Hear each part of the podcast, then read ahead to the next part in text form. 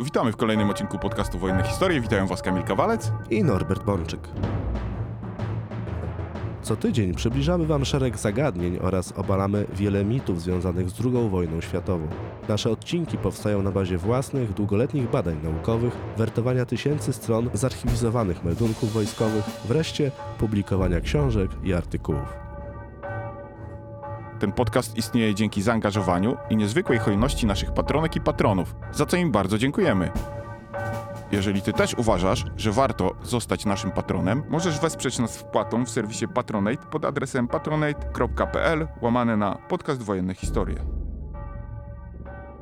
Norbert, wróćmy w tym odcinku ponownie do Polski pod okupacją i zacznijmy od tego, co wydarzyło się 28 lutego 1944 roku w mazowieckiej wsi Wanaty, kiedy to Niemcy spalili całą tą wieś razem ze wszystkimi mieszkańcami. I wychodząc od tego, chciałbym cię spytać, co powodowało takie niemieckie okrucieństwo na terenach okupowanych i czemu to okrucieństwo miało służyć? Kiedy my mówimy o niemieckiej okupacji czasów II wojny światowej, to na plan pierwszy i zresztą słusznie wysuwa się bezpośrednia eksterminacja, czyli ludobójstwo. Znaczy niemieckie władze okupacyjne w czasie II wojny światowej na ziemiach polskich dopuściły się masowego ludobójstwa i jakby tutaj bardziej ponurym, wręcz upiornym symbolem tego są fabryki śmierci, czyli obozy zagłady takie jak Auschwitz czy jak Treblinka II, Sobibór i wiele innych równie przerażających miejsc. Natomiast niezależnie od jakby tej zaplanowanej eksterminacji ludności pochodzenia żydowskiego, żydowskiego, Niemcy dopuszczali się również na terenach okupowanej Polski ludobójstwa w stosunku do ludności rdzennie polskiej. W ich systemie aparatu władzy i represji ludność żydowska, przypomnę, że mówimy tu o kilku milionach obywateli państwa polskiego przed wojną, właściwie stopniowo była pozbawiana wszelkich praw, natomiast prawa ludności polskiej były specyficznie interpretowane i stopniowo również ludność polska, która stanowiła absolutną większość mieszkańców, były również ograniczane, a tak naprawdę powinniśmy mówić o tym, że niemiecki aparat represji miał nienormalne prawo albo stosował bezprawie, dlatego że bardzo szybko kara śmierci była tą karą, którą można było otrzymać za czasami zupełnie błahe czy pozornie absurdalne zdarzenia. Bo przypomnę, że w generalnym gubernatorstwie obowiązywała kara śmierci na przykład za kupowanie produktów spożywczych po cenach innych niż urzędowe. W generalnym gubernatorstwie w pewnym momencie wprowadzono kara śmierci za jazdę rowerem, bez uprawnienia oczywiście. W pewnym momencie, odkąd wprowadzono tak zwane akcje specjalne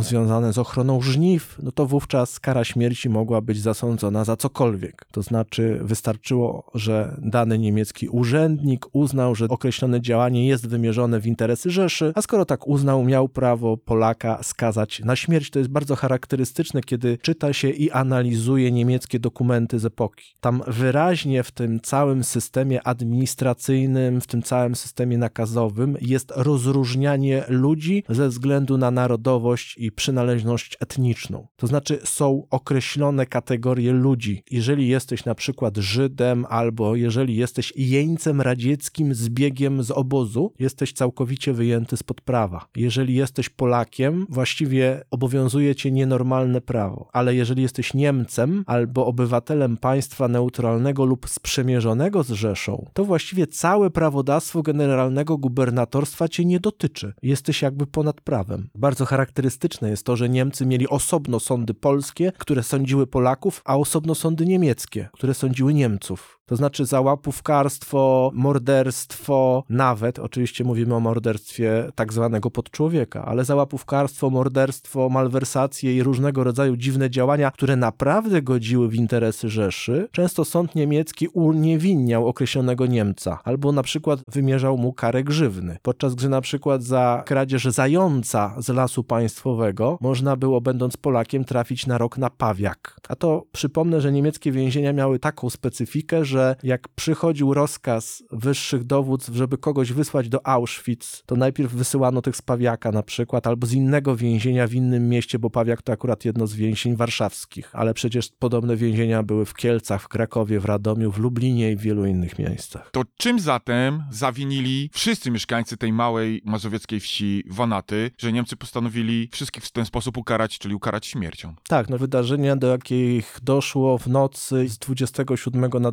28 lutego i rankiem 28 lutego 1944 roku. Na obszarze Mazowsza, konkretnie powiatu garwolińskiego, ekspedycja karna dokonała pacyfikacji wsi Wanaty i każdego, kogo w tej wsi zastała, zamordowała, a wieś spaliła. Tutaj oddajmy głos Władysławowi Guszkowskiemu. On w latach 60. przed komisją zeznawał. Był jednym z kilku ludzi, którzy przeżyli to, co stało się rankiem 28 lutego 1944 roku we wsi Wanaty. Uprzedzam, jest to opis drastyczny. Tymczasem z niedzieli, chodzi o 27 luty, na poniedziałek dnia 28 lutego o godzinie drugiej w nocy wojsko niemieckie podzielone na grupy otoczyło całą wieś. O świcie żołnierze wkroczyli do wsi i porozstawiali warty na wszystkich ulicach. Stanęli w odstępach i pilnowali, aby nikt ze wsi nie uciekł. Pragnę zaznaczyć, że mężczyźni, którzy opuścili swe domy przed tygodniem, w międzyczasie wrócili. Żony żartowały sobie z nich nawet z powodu ich obawy przed Niemcami. Chwili rozstawienia wart niektórzy z nich uciekli w pole, ale tam zostali zastrzeleni przez wartowników. Około godziny siódmej rano przeszła przez wieś większa grupa żołnierzy, mordując kolejno w zagrodach wszystkich bez wyboru mężczyzn, kobiety i dzieci. Żołnierze z następnych grup wyprowadzali inwentarz żywy i wynosili z mieszkań odzież. Czterej żołnierze z ostatniej grupy chodzili od zagrody do zagrody i zapalali wszystkie budynki. Zagrody w Wanatach stały w pewnej odległości jedna od drugiej. Żona moja, przebywająca tego dnia rano na podwórzu, usłyszała w pewnej chwili strzały padające w obrębie zagrody mego stryjecznego brata. Jeden z żołnierzy po wyjściu z jego domu skierował swe kroki do nas. Gdy wszedł do domu, strzelił w sieni na postrach, następnie zastrzelił w pokoju po drugiej stronie sieni mego lokatora Jana Boratyńskiego i jego syna Zdzisława. Potem wszedł do mojego pokoju i skierował pistolet na mnie. Zdążyłem zasłonić głowę rękami, a kula przeszła mi obie ręce, nie naruszając kości. Rzuciłem się na ziemię. Żołnierz zabił potem moją żonę. Po chwili stanął na moich plecach. Słyszałem, jak oprzedł całe mieszkanie i gdy się upewnił, że nikogo więcej nie ma, wyszedł. Wówczas podniosłem się i usiłowałem podnieść żonę, która otrzymała strzał w głowę i niestety już nie żyła. Usłyszałem głosy Niemców dochodzące z mego podwórza, więc umazałem się krwią żony i położyłem się ponownie na podłodze, udając nieżywego. Leżałem tak około 15 minut, po czym wyszedłem do obory i tam schroniłem się na strychu. W międzyczasie Niemcy weszli do mego domu i obrabowali go. Ponieważ zostawiłem ślady krwi na stole, na ceracie, żołnierze domyślili się, że ktoś ranny uciekł z domu. Szukali mnie w stodole i w oborze, ale nie znaleźli. Słyszałem, jak jeden z żołnierzy powiedział po ukraińsku, że ja i tak spłonę, gdy podpalą całą zagrodę. Orientowałem się, żołnierze ci byli przeważnie Ukraińcami służącymi w wojsku niemieckim. Widziałem potem przez szparę w ścianie obory, jak następna grupa żołnierzy zabiera cały mój inwentarz. Widziałem też stamtąd, jak płonęły wokół wszystkie zagrody, a ogień począł się zbliżać do mego gospodarstwa. Czterej żołnierze zapalili moje zabudowania przy pomocy nafty lub benzyny. Obora miała połączenie z budynkiem mieszkalnym. Dach był kryty blachą i papą. Gdy żar ognia i dym zaczęły mnie dusić, skoczyłem na ziemię i ukrywałem się wśród płonących budynków. Wkrótce zdołałem wejść do piwnicy domu mieszkalnego, której ogień nie objął. Tam przesiedziałem do wieczora. Gdy zauważyłem, że wartownicy odchodzą, wyszedłem z piwnicy i tego samego dnia pojechałem do krewnych w przychodzie. Pozostałem tam do końca okupacji. Ten brutalny i okrutny opis pokrywa się z dwoma innymi relacjami, bo w sumie zachowały się trzy relacje pisemne, a łącznie pacyfikację przeżyło pięć osób. 109 innych tego szczęścia nie miało. Ta pacyfikacja jest doskonale udokumentowana w źródłach, dlatego że zaraz po wojnie przeprowadzono ekshumację i nie tylko odnaleziono 109 spalonych ciał, ale w przypadku 108 udało się je nawet zidentyfikować z imienia i z nazwiska. Krewni wskazali ofiary. No i można zadać pytanie, jaka administracja działa w ten sposób, że zabija ludność, która tej administracji podlega podlega, że niszczy gospodarkę własną, bo przecież to jest działanie nienormalne. Nawet w tym niemieckim systemie, gdzie Polacy byli traktowani jak niewolnicy, gdzie niemieccy urzędnicy mieli rozkaz maksymalnie wyzyskać, wykorzystać zasoby gospodarcze generalnego gubernatorstwa, nawet kosztem całkowitego załamania się społecznego, gospodarczego, ekonomicznego tego obszaru. Czyli rozkaz był wyzysk i jeszcze raz wyzysk. No ale nawet wobec tak okrutnych i można by powiedzieć nieludzkich poleceń, to co się wydarzyło we wsi Wanaty i w wielu innych polskich wsiach, bo w czasie niemieckiej okupacji doszło do kilkudziesięciu podobnych przypadków, to znaczy mówimy o wymordowaniu mieszkańców jakiejś wsi w ramach jakiejś akcji niemieckiej. Tu będzie przykład jeden, jednostkowy, ale bynajmniej nie oderwany od szerszego kontekstu. I to zarządzanie przez terror było podstawą takiego, a nie innego niemieckiego zachowania i tego, że niemiecki aparat administracyjny wraz z trwaniem wojny stawał się, mówiąc obrazowo, coraz bardziej nienormalny. A dlaczego tak się działo? Dlaczego ten terror narastał z każdym rokiem wojny, zamiast słabnąć, co się wydaje naturalne, bo chyba Niemcy zdawali sobie sprawę, że spotka ich, spotkają ich konsekwencje za, za stosowanie tego sposobu zarządzania.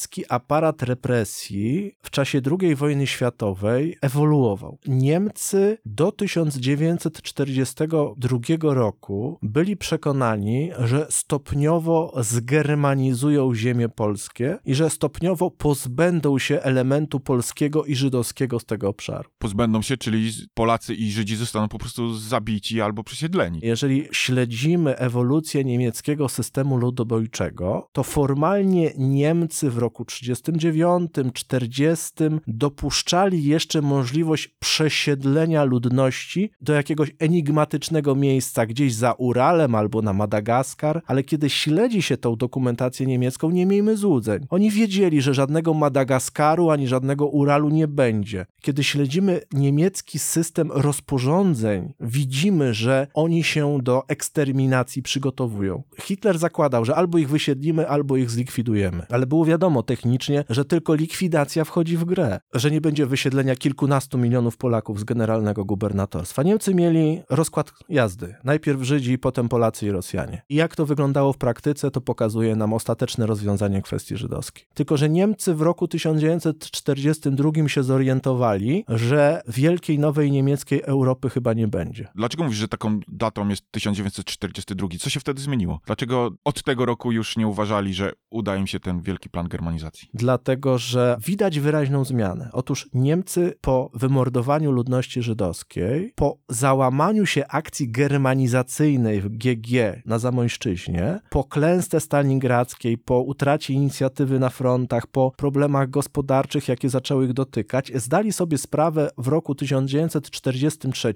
że ta wielka operacja na narodach Europy już im nie pójdzie dalej, że oni osiągnęli to, co mogą, że ich możliwości techniczne sprowadzają się tylko i aż do zdolności wymordowania w pewnym momencie Żydów w obozach zagłady. A reszta już nie będzie takiego zaplanowanej eksterminacji, jak to wydawało im się wcześniej. Że nie będzie tak, jak Himmler planował stopniowo w kolejnych punktach generalnego gubernatorstwa osiedlać Niemców i rugować z nich Polaków. Zabrakło sił i możliwości, ale administracja nadal funkcjonowała i od roku 42 i 43 zaczęło się troszeczkę inaczej. Otóż Niemcy stwierdzili, że oni teraz muszą całkowicie wyzyskać, wyssać z ziem okupowanych wszelkie soki witalne, że kontyngenty, że pobór robotników przymusowych, że wycinki lasów, że to wszystko zostanie zwiększone, zwielokrotnione, bo oni jako Rzesza mają problemy gospodarcze, bo są dławieni przez Wielką Wojnę. To jest tak jak Frank kiedyś powiedział, jeszcze w roku 1942.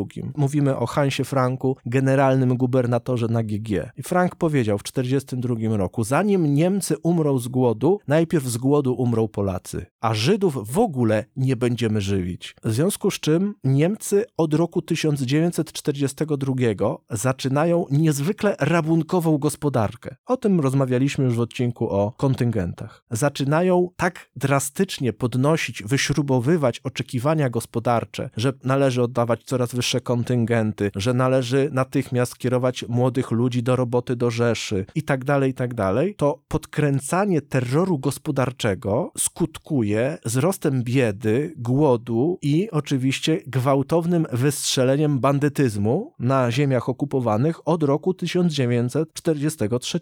Ale bandytyzmu masz na, na myśli po prostu zwykłe grupy rabunkowe, rozbójnicze, złożone czy z Polaków, napadających na Polaków. Grup bandyckich mieliśmy wiele, ale oczywiście większość grup bandyckich miała charakter etniczny taki, na, na jakim obszarze operowała. Więc na Białorusi grupy bandyckie były białoruskie, na Ukrainie ukraińskie, w Polsce polskie. Przy czym oczywiście na, na tych obszarach pojawiały się też inne ugrupowania, na przykład zbiegli z get Żydzi wyjęci spod prawa, też mogli tworzyć własne grupy. One były oczywiście znacznie słabiej zorganizowane niż grupy lokalne. To jest zrozumiałe następuje anarchizacja życia na terenie generalnego gubernatorstwa. Od roku 1942 w 1943 to się pogłębia. Gwałtowny wzrost biedy, gwałtowny wzrost głodu, cały szereg problemów społecznych. To wszystko generuje okupant, który prowadzi coraz bardziej bezwzględną, coraz bardziej brutalną okupację. I jeżeli się prowadzi taką okupację, to ludzie naturalnie będą się starali jakoś chronić, bronić biernie lub aktywnie aktywnie przed czymś takim. Więc żeby tego nie było, to okupant stara się ich zastraszyć poprzez terror. Zabija dla przykładu, żeby zastraszyć większość.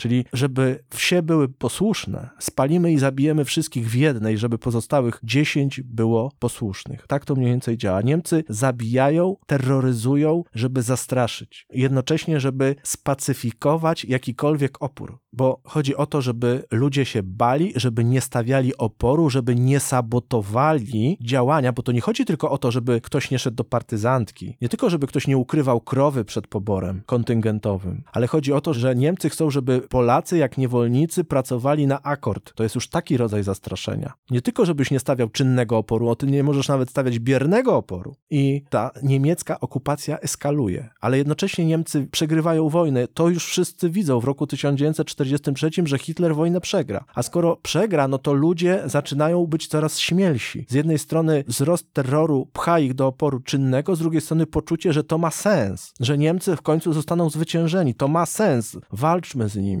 I od roku 1943 ruch wszelakiej maści partyzancki na terenie generalnego gubernatorstwa gwałtownie przybiera na sile. Można by powiedzieć, że do roku 1942 Niemcy mieli w Polsce spokój. W 1941 roku partyzantka właściwie nie istniała. Ona zaczęła kiełkować jesienią 1941 roku, przybierać na sile w roku 1942, a w roku 1943 osiągnęła już gigantyczne rozmiary i Niemcy nie za bardzo wiedzieli, jak sobie z tym poradzić. Słowem, z jednej strony anarchizacja życia, czyli wzrost bandytyzmu, z drugiej strony wzrost zorganizowanego oporu konspiracyjnych grup i różnego rodzaju jednostek partyzanckich. Czy ta partyzantka to jest przede wszystkim Armia Krajowa? Jeśli chodzi o oddziały partyzanckie, Armia Krajowa w pewnym momencie była najsilniejszym komponentem ruchu partyzanckiego, ale absolutnie nie możemy sprowadzać ruchu partyzanckiego w generalnym gubernatorstwie do AK. Nawet jeżeli zwrócimy uwagę, że jakby tym czynnikiem sprawczym najważniejszym w pewnym momencie były oddziały Armii Krajowej i batalionów chłopskich, to jednak nie możemy też zapominać, że na przykład bardzo silny ruch partyzancki, zwłaszcza na wschód od Wisły, tworzyli komuniści, ale oni mieli specyficzny system werbowania, dlatego że niezależnie od polskich komunistów, Gwardii Ludowej, potem Armii Ludowej, istniała partyzantka radziecka, bardzo liczna partyzantka radziecka, która rekrutowała się z ludzi wyjętych spod prawa, ludzi, którzy uciekli z obozów śmierci, zwanych eufemistycznie obozami jenieckimi.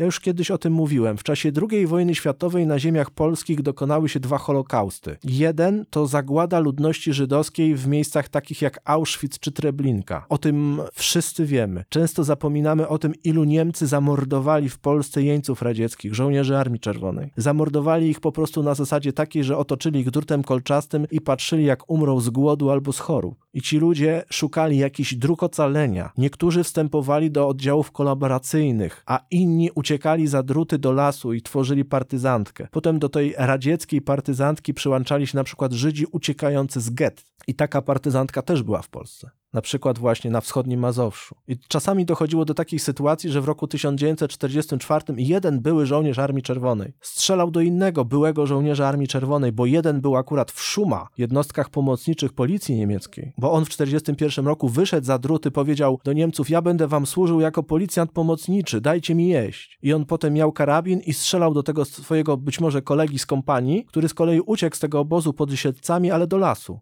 Ale w każdym bądź razie bardzo różne ruchy partyzanckie operowały na terenach polskich, ale rzeczywiście w roku 43, w roku 44 tą siłą dominującą bez wątpienia była AK i bataliony chłopskie, ale ich oddziały partyzanckie miały nieco inny charakter. Można by powiedzieć, że działały nieco bardziej rozważnie, bo rekrutowały się z miejscowej ludności i było wiadomo, że no nie można każdej akcji przeciwko Niemcom zrobić ze względu na odwet. Oddziały partyzanckie radzieckie w takie niuanse nie wchodziły. Ale ten terror powodował, że z jednej strony mamy te ruchy partyzanckie, z drugiej strony mamy te ruchy bandyckie, a Niemcy chcą wycisnąć jak najwięcej z miejscowej gospodarki. I z każdym rokiem to wycisnąć oznacza coraz więcej. Kontyngenty z roku 40 to było nic w porównaniu do kontyngentów z roku 43 czy 44, a im Niemcy mieli większe problemy gospodarcze w Rzeszy, tym bardziej odbijali to sobie na eksploatacji generalnej guberni. W związku z czym w roku 40 43 i w roku 44 ta eksploatacja gospodarcza, ona przybrała charakter rabunkowy, ale nie rabunkowy na zasadzie tego, jak my dzisiaj mówimy, że ktoś prowadzi gospodarkę rabunkową. Nie. Niemiecka gospodarka rabunkowa polegała na bezpośrednim rabunku. Znaczy przyjeżdżali do wsi Niemcy z Szuma, z policją granatową polską, z Kripo. Kwestia etniczna nie ma tu naprawdę znaczenia. Ale przyjeżdżali do wsi i po prostu zabierali. Nie tylko zabierali krowy, świnie, zboże. Oni zabierali ludzi. Jak było polecenie z Arbeitsamtu, że tyle a tyle ludzi ze wsi jedzie na roboty przymusowe, jak oni się nie stawili, no to jak niemiecka ekspedycja karna przyjechała do wsi, kogo spotkała, złapała, zabrała. Gdzie w tej całej przerażającej historii jest ta nasza tytułowa wieś Wanaty. Jak ta historia rezonowała w jej wypadku? No właśnie to wszystko, o czym wcześniej mówiłem, to wszystko się skumulowało 28 lutego 1944 roku we wsi Wanaty. Skumulowała się niemiecka polityka rabunkowa, skumulował się niemiecki wyzysk, skumulował się ten aktywny opór przeciwko Niemcom, skumulowały się te wszystkie wydarzenia lat poprzednich. To nie jest przypadek, że batalion Szuma złożony w większości żołnierzy ukraińskich, byłych żołnierzy Armii Czerwonej, Czerwonej wieś Świanaty spalił. Tak samo jak nie było przypadkiem to, że to była szersza akcja starosty powiatu garwolińskiego Karla Ludwika Freudenthala, który prowadził akcję rabunkową w dosłownym tego słowa znaczeniu, czyli z wojskiem i policją jeździł od wsi do wsi i zabierał ludzi, zwierzęta, żywność i tak. To wszystko była kumulacja pewnych zdarzeń. Wiosną 1944 roku miejscowe placówki Armii Krajowej złożyły jeden z kolejnych raportów o tym, co wydarzyło się w powiecie, za który odpowiadały. I raport konspiracyjny z wiosny 1944 roku mówił, co tam słychać w okupowanym powiecie. Raport brzmiał tak. Tu cytat, fragment. W powiecie garwolińskim terror okupanta przybrał na sile do rozmiarów tam niespotykanych. Celem było steroryzować ludność tak, aby wszyscy wyznaczeni na roboty stawili się nie próbując oporu. Trzeba przyznać, że to się w znacznej mierze okupantowi udało. Wyznaczanie na roboty do Rzeszy zaczęło się z dniem 28 lutego i miało trwać do 29 marca bieżącego roku. Wyznaczenie odbywa się gminami z kart przemiałowych z 1941 roku. Na pierwszy ogień poszły gminy Łaskarzew i Podłęż. W przypadku niestawienia się są zabierani rodzice względem inwentarz żywy. W związku z tym starostwo ściągnęło na powiat w nocy z 27 na 28 luty około 800 żandarmów Szupo i Ukraińców z Siedlec, Mińska Mazowieckiego, Warszawy i Rembertowa. Przed świtem 28 lutego zajęli już stanowiska wyjściowe, następnie robiąc wielką kanonadę z broni zwykłej, KM i granatów, rolowali teren, przeszukując lasy i wsie, legitymując wszystkich, aresztując obcych z sąsiednich wsi albo gmin, zabijając ludzi, paląc gospodarstwa i rabując mienie. Bestialski terror zastosowali żandarmi do wsi Wanaty, gmina Łaskarzew, 22 gospodarstwa, gdzie otoczywszy wieś wymordowali prawie całą ludność, następnie podpalili całą wieś, rzucając trupy, rannych, a nawet żywych do ognia. Zginęło sto kilkanaście osób. Tyleż znaleziono trupów zwęglonych. Uratowało się zaledwie kilkanaście osób. Inwentarz cały i cenniejsze rzeczy zostały przez nich zabrane. Napotykanych ludzi, których legitymowali, a okazało się, że są z Wanat, natychmiast zabijali. W sąsiedniej wsi, która przylega do Wanat, w Lewikowie, gmina Podłęż, spalili cztery stodoły, chcieli również podpalić młyn. W tym czasie nadjechał starosta Freudenthal i powiedział do nich, żeby więcej nie podpalali, ponieważ do spalenia przeznaczone były tylko Wanaty. Ekspedycja ta na drugi dzień odjechała. To jest raport Akowski z wiosny 1944 roku, opisujący, co niemiecka administracja wyrabia konkretnie w powiecie garwolińskim. Nasi słuchacze nie są tu zaskoczeni, parokrotnie powracam do wydarzeń z powiatu garwolińskiego. To wynika z faktu, że przez kilka lat realizowałem projekt badawczy, naukowy, związany akurat z niemiecką okupacją tegoż powiatu, ale to, że ja opowiadam o jednym powiecie, to zapewniam Państwa, a mogę to powiedzieć choćby przez doświadczenie badań moich kolegów i kolegów, koleżanek, że bardzo podobne, nazwijmy to, ekscesy odnoszą się szerzej do zagadnień niemieckiej okupacji w całej generalnym gubernatorstwie, czy w wypadku naszego projektu badawczego dystryktu warszawskiego tegoż gubernatorstwa. Ten raport Akowski dobrze oddaje, co się stało. Stało się to, że Niemcy, głównie korzystając zresztą z pomocy oddziałów policji pomocniczej Szuma, spalili wieś Wanaty. Ale jednocześnie ten raport właśnie mówi, że to jest zagadnienie, które należy przedstawić w szerszym kontekście, że oto to właśnie zimą 44 roku, na początku 44 roku trwa w dystrykcie warszawskim nowa akcja łapankowa i nowa akcja kontyngentowa, czyli że Niemcy ściągają nowe kontyngenty ludzi, zboża, jaj, mleka i tak. I w tym niemieckim systemie człowiek, robotnik przymusowy jest dokładnie takim samym punktem do statystyki jak jajko. I po prostu dany powiat ma tylu a tylu ludzi skierować do pracy w Rzeszy, bo Rzesza potrzebuje potrzebuje ludzi do pracy, bo niemieccy robotnicy są zasysani przez Wehrmacht i ktoś musi ich zastąpić na liniach produkcyjnych, ktoś musi ich zastąpić w rolnictwie, w związku z czym zasysa się ludzi z terenów okupowanych. I tragedia Wanat zaczyna się tak naprawdę w grudniu 1943 roku w Warszawie, bo oto gubernator dystryktu Ludwik Fischer wyzywa starostów powiatowych do Warszawy i informuje ich, że oto z Rzeszy przyszły wymagania na robotników do pozyskania na rok 1944. I jednym ze starostów, który słucha Fischera, jest Karl Ludwig Freudenthal, starosta powiatu garwolińskiego. On bardzo chce się wykazać, że jest dobrym Niemcem, w związku z czym słyszy, że ma zebrać w roku 1944 3000 robotników przymusowych netto i 4050 robotników przymusowych brutto. Zaraz, zaraz, a czym się różnią robotnicy netto od robotników brutto, bo to jest zupełnie niezrozumiałe. Niemcy stosowali w przypadku robotników przymusowych liczby netto i brutto. To znaczy zakładali, że muszą pochwycić określoną liczbę ludzi. To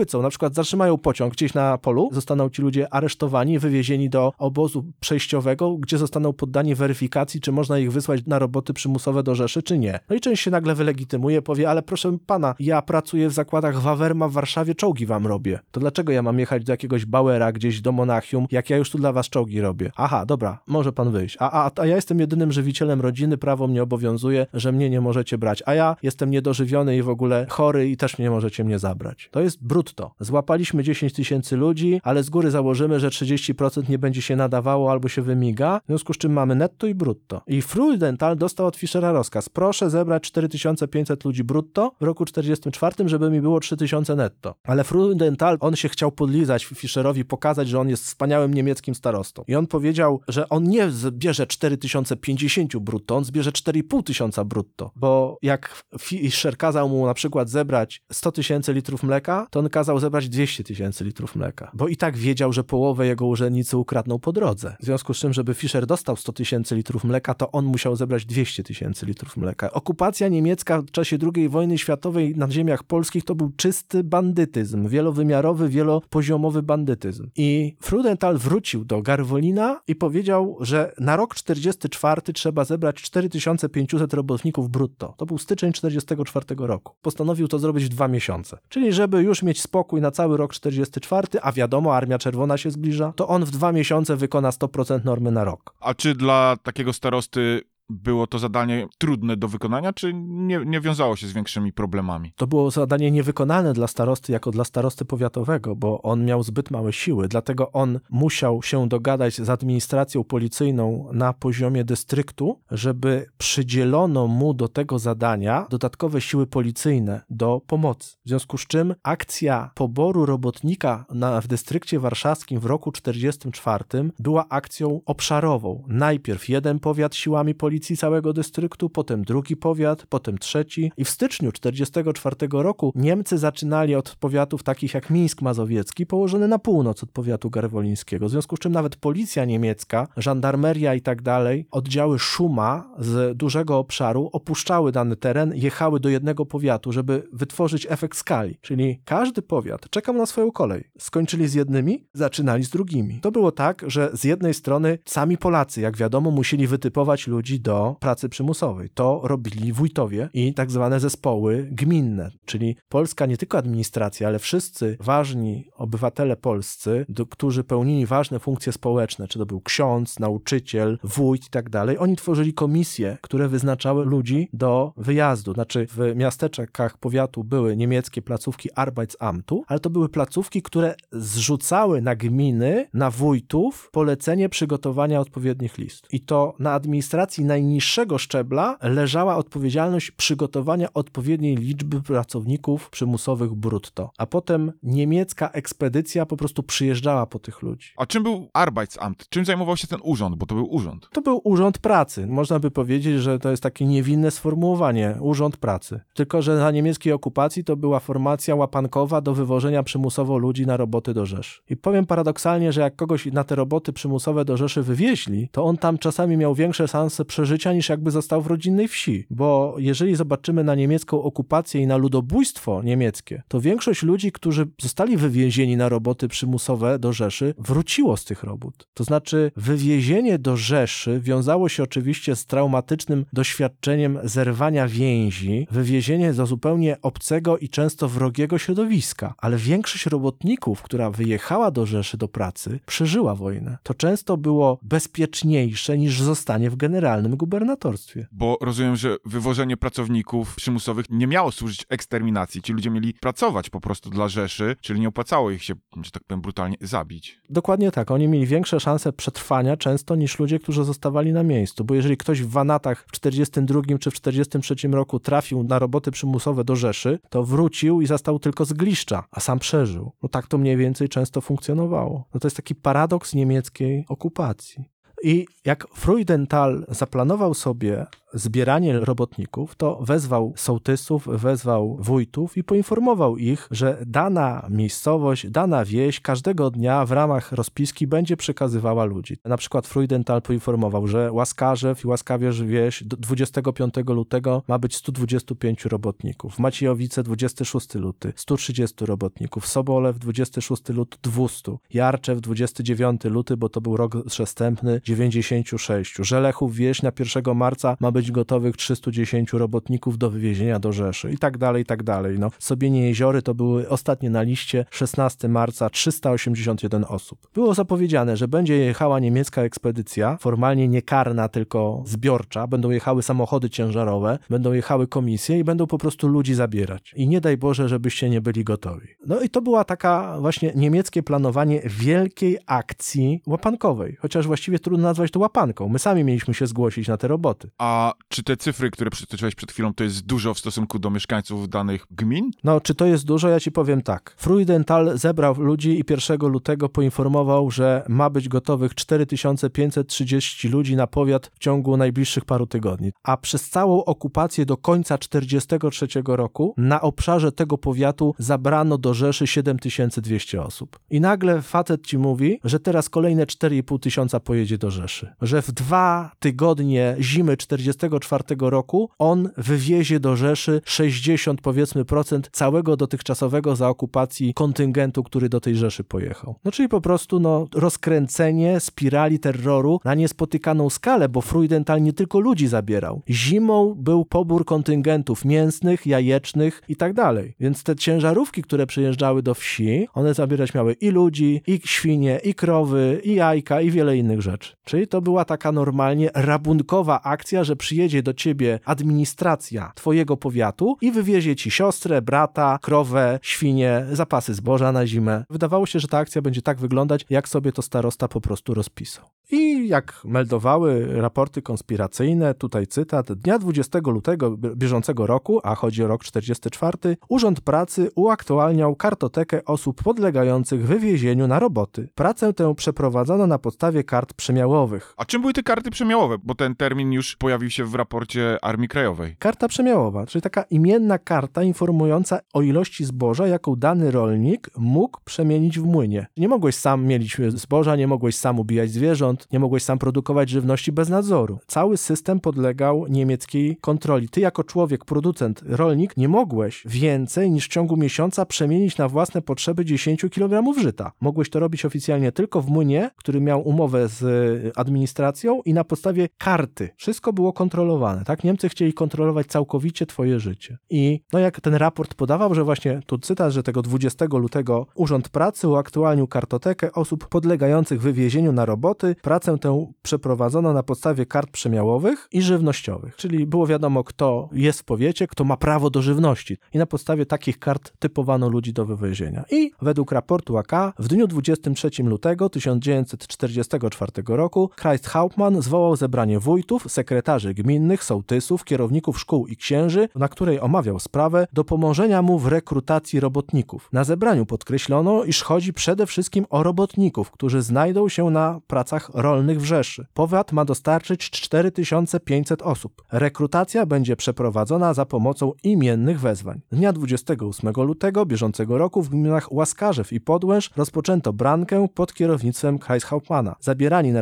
roboty są ładowani do ciężarowych samochodów i niezwłocznie wywożeni do Warszawy. To był kontekst. Czyli zaczęła się po prostu zimowa akcja rabunkowa administracji niemieckiej. Gubernator Fischer dał do ręki Freudenthalowi batalion ukraińskich policjantów Szuma, kompanię żandarmów Volksdeutschów niemieckich, oddziały policji niemieckiej. Pomagał swojemu podwładnemu, bo ten miał do dyspozycji jako starosta zbyt małe siły policyjne. Ale oto 21 lutego 1941 roku wydarzyła się znamienna rzecz. Tegoż właśnie 21 lutego oddział partyzancki Armii Krajowej operujący na terenie powiatu garwolińskiego pod dowództwem kaprala podchorążego Jana Kosieckiego, pseudonim Max, starł się niedaleko wsi Wanaty z drużyną z 10 kompanii 3 batalionu 23 pułku policyjnego SS. No to była taka walka, gdzie z jednej strony Niemcy i chorwaccy Volksdeutsche walczyli z oddziałem Armii Krajowej, przy czym w obu przypadkach mówimy o starciu drużyn, bo tak naprawdę kilkunastu niemieckich i chorwackich policjantów starło się z kilkunastoma, a dokładnie z dwunastoma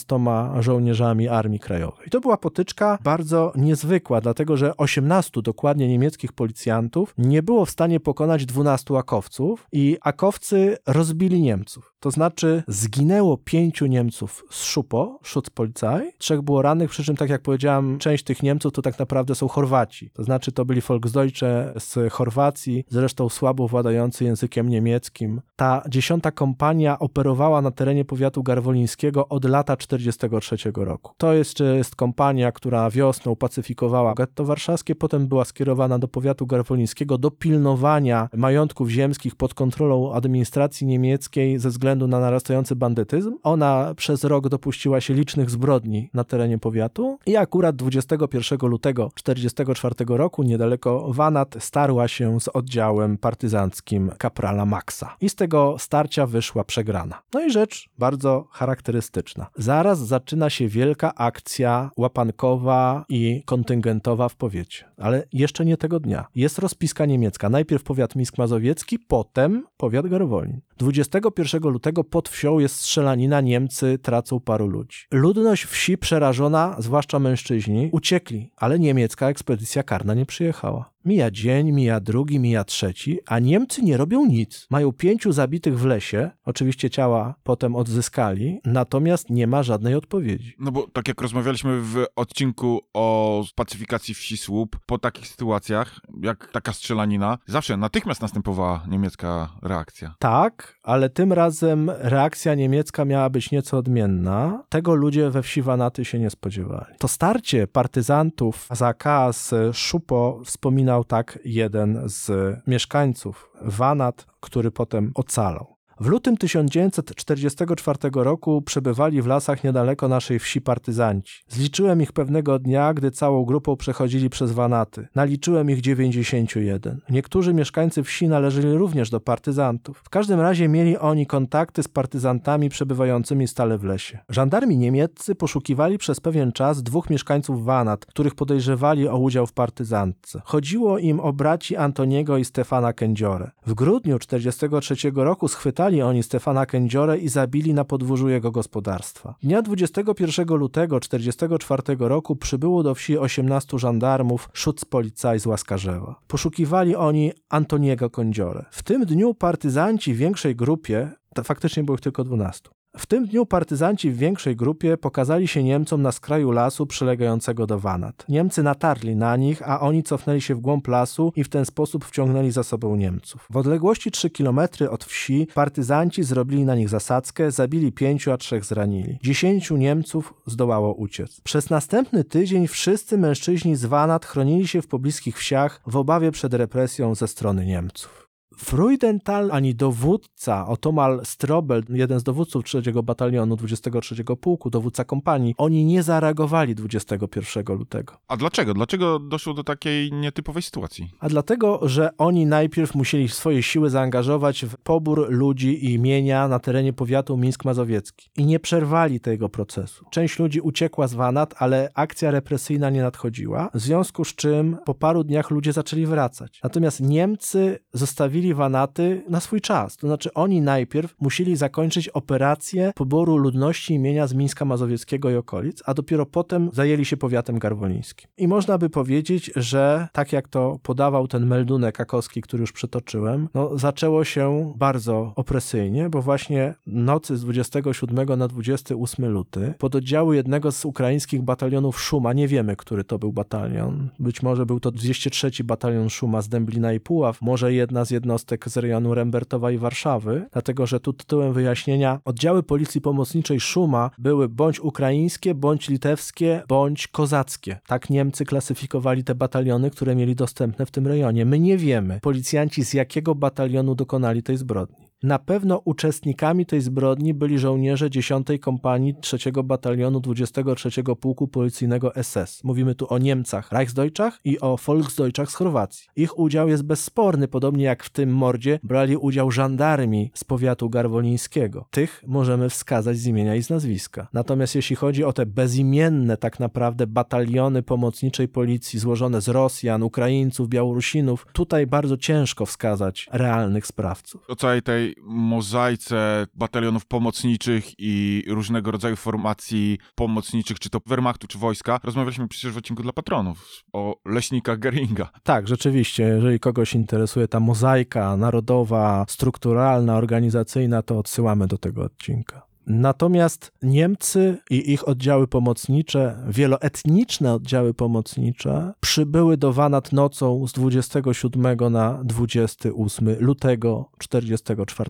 roku. I Freudenthal chciał zastraszyć cały powiat poprzez przykład. Ludność już się nie bała tak bardzo, przez tydzień nie było odwetu. A Freudenthal chciał osiągnąć efekt zastraszenia całego powiatu przez pacyfikację jednej wsi. Nigdy wcześniej w powiecie garwolińskim oddziały niemieckie nie spaliły całej wsi, paliły fragmentarycznie. Pacyfikacja była okrutna. Spośród 109 zamordowanych, aż 46 osób to były dzieci poniżej 15 roku życia. To były przypadkowe ofiary mordu, jaki zarządził Karl Ludwig Freudenthal i tu rzecz bardzo charakterystyczna i odsyłam raz jeszcze do przytoczonego już raportu AK z wiosny, że Freudenthal wskazywał osobiście, co palić, a czego nie i kiedy ukraińscy policjanci, bo to nie byli żołnierze, to byli rosyjscy i ukraińscy policjanci pomocnicy Szuma, w związku z czym oni chcieli spalić młyn, ale tutaj już zgody nie było. Więc to był mord przeprowadzony przez władze administracji niemieckiej na zimno. Wykonała go policja, ale ofiary typował kierownik administracji cywilnej, starosta powiatu. I można by powiedzieć, że to był początek, dlatego że potem w marcu już 1944 roku Freudenthal niezwykle brutalnie egzekwował kontyngenty ludzkie i materialne związane z poborem na, na prace przymusowe, czy właśnie związane z kontyngentami. Czyli wanaty z jednej strony miały być zemstą za zabicie w walce przez partyzantów pięciu niemieckich policjantów i zranieniu trzech. Z drugiej strony miał być to akt terroru o charakterze zastraszenia całego powiatu, aby powiat nie stawiał oporu, kiedy Niemcy będą po prostu fizycznie rabować. Czy zatem w wyniku tak brutalnych działań udało się Niemcom i staroście Frudentalowi zebrać zaplanowany kontyngent ludzi na roboty? O paradoksie nie. To znaczy, mimo bardzo ostrych restrykcji, mimo bardzo dużej fali represji, we wskazanym czasie Freudenthal planowanego kontyngentu nie zebrał. To potem jeszcze trwało również wiosną roku 1944. Okazało się, że ludność jednak stawia już tak zdecydowany opór, tak boi się, znaczy zdecydowany opór w rozumieniu ucieczek. Nie mówimy o walce, tylko ludzie po prostu uciekają. To Freudenthal zastosował wiosną inny rodzaj represji, który przyniósł mu powodzenie. Mianowicie, jeżeli się ktoś młody, wyznaczony na roboty nie zgłaszał, to brano jako zakładników jego rodziców. Tudzież ewentualnie grożono spaleniem gospodarstwa, a wywiezieniem rodziców do Auschwitz albo na Pawiak. Co wtedy przyniosło wyraźny wzrost ludzi, którzy zgłosili się do przymusowej pracy w Rzesz. Natomiast w historii tego konkretnie powiatu garwolińskiego, tam miały miejsce w czasie niemieckiej okupacji najróżniejsze zbrodnie. Aczkolwiek wanaty nawet tam stanowią pewien symbol. Chociaż w miejscach masowych mordów, takich jak Lisiejamy, zgładzono znacznie więcej ludzi niż w wanatach. To wanaty są symbolem, dlatego że to była wieś, która została spalona w całości razem z całą ludnością, która tam mieszkała. No i działo się to de facto pół roku przed wyzwoleniem tych terenów, czyli już jakby niemiecka okupacja niemal się tam kończyła. To jest bardzo charakterystyczne, że Niemcy wiedzieli, że będą musieli opuścić te ziemię. Oni już pod względem morale mieli je niskie. Administracja cywilno-policyjna wiedziała, że dni jej władzy nad tymi terenami są już policzone. I właśnie dlatego, że wiedziała o tym, że te dni są policzone, była tak drakońsko brutalna. Każdy zwykły niemiecki policjant czy urzędnik pokroju starosty tak naprawdę realizował wytyczną strategiczną Hansa Franka wyrażoną jeszcze w roku 1942. Zanim Niemcy umrą z głodu, najpierw z głodu umrą Polacy, a Żydów w ogóle nie będziemy żywić. Ta niezwykła brutalność, ta pastwienie się tak naprawdę nad ludźmi zimą 1944 roku w tym powiecie wynikało z przeświadczenia, że ten powiat zostanie wkrótce utracony, ale zanim to się stanie, należy wyciąć wszystkie drzewa, zabrać wszystkie krowy, świnie, wywieźć całe zboże i zagarnąć do prac przymusowych tylu ludzi, ilu się tylko da. No, myślę, Norbert, że tym ponurym akcentem zakończymy ten odcinek, który jest kolejnym takim okupacyjnym odcinkiem, myślę ważnym, bo pokazuje jednak naszym słuchaczom, że ta okupacja to był to po prostu czas brutalnej eksterminacji w ten czy w inny sposób wszystkich ludzi, którzy nie byli Niemcami. Dokładnie, to były czasy mroku. Niemiecka okupacja lat 39-45 to był straszliwy czas. Dziękuję Ci zatem za ten odcinek i do usłyszenia. Dziękuję bardzo. Dziękujemy, że byłeś z nami do końca tego odcinka. Odwiedź nas na Facebooku, Instagramie, Twitterze lub TikToku. Wszędzie tam znajdziesz nas wpisując podcast Wojenne Historie. Do usłyszenia.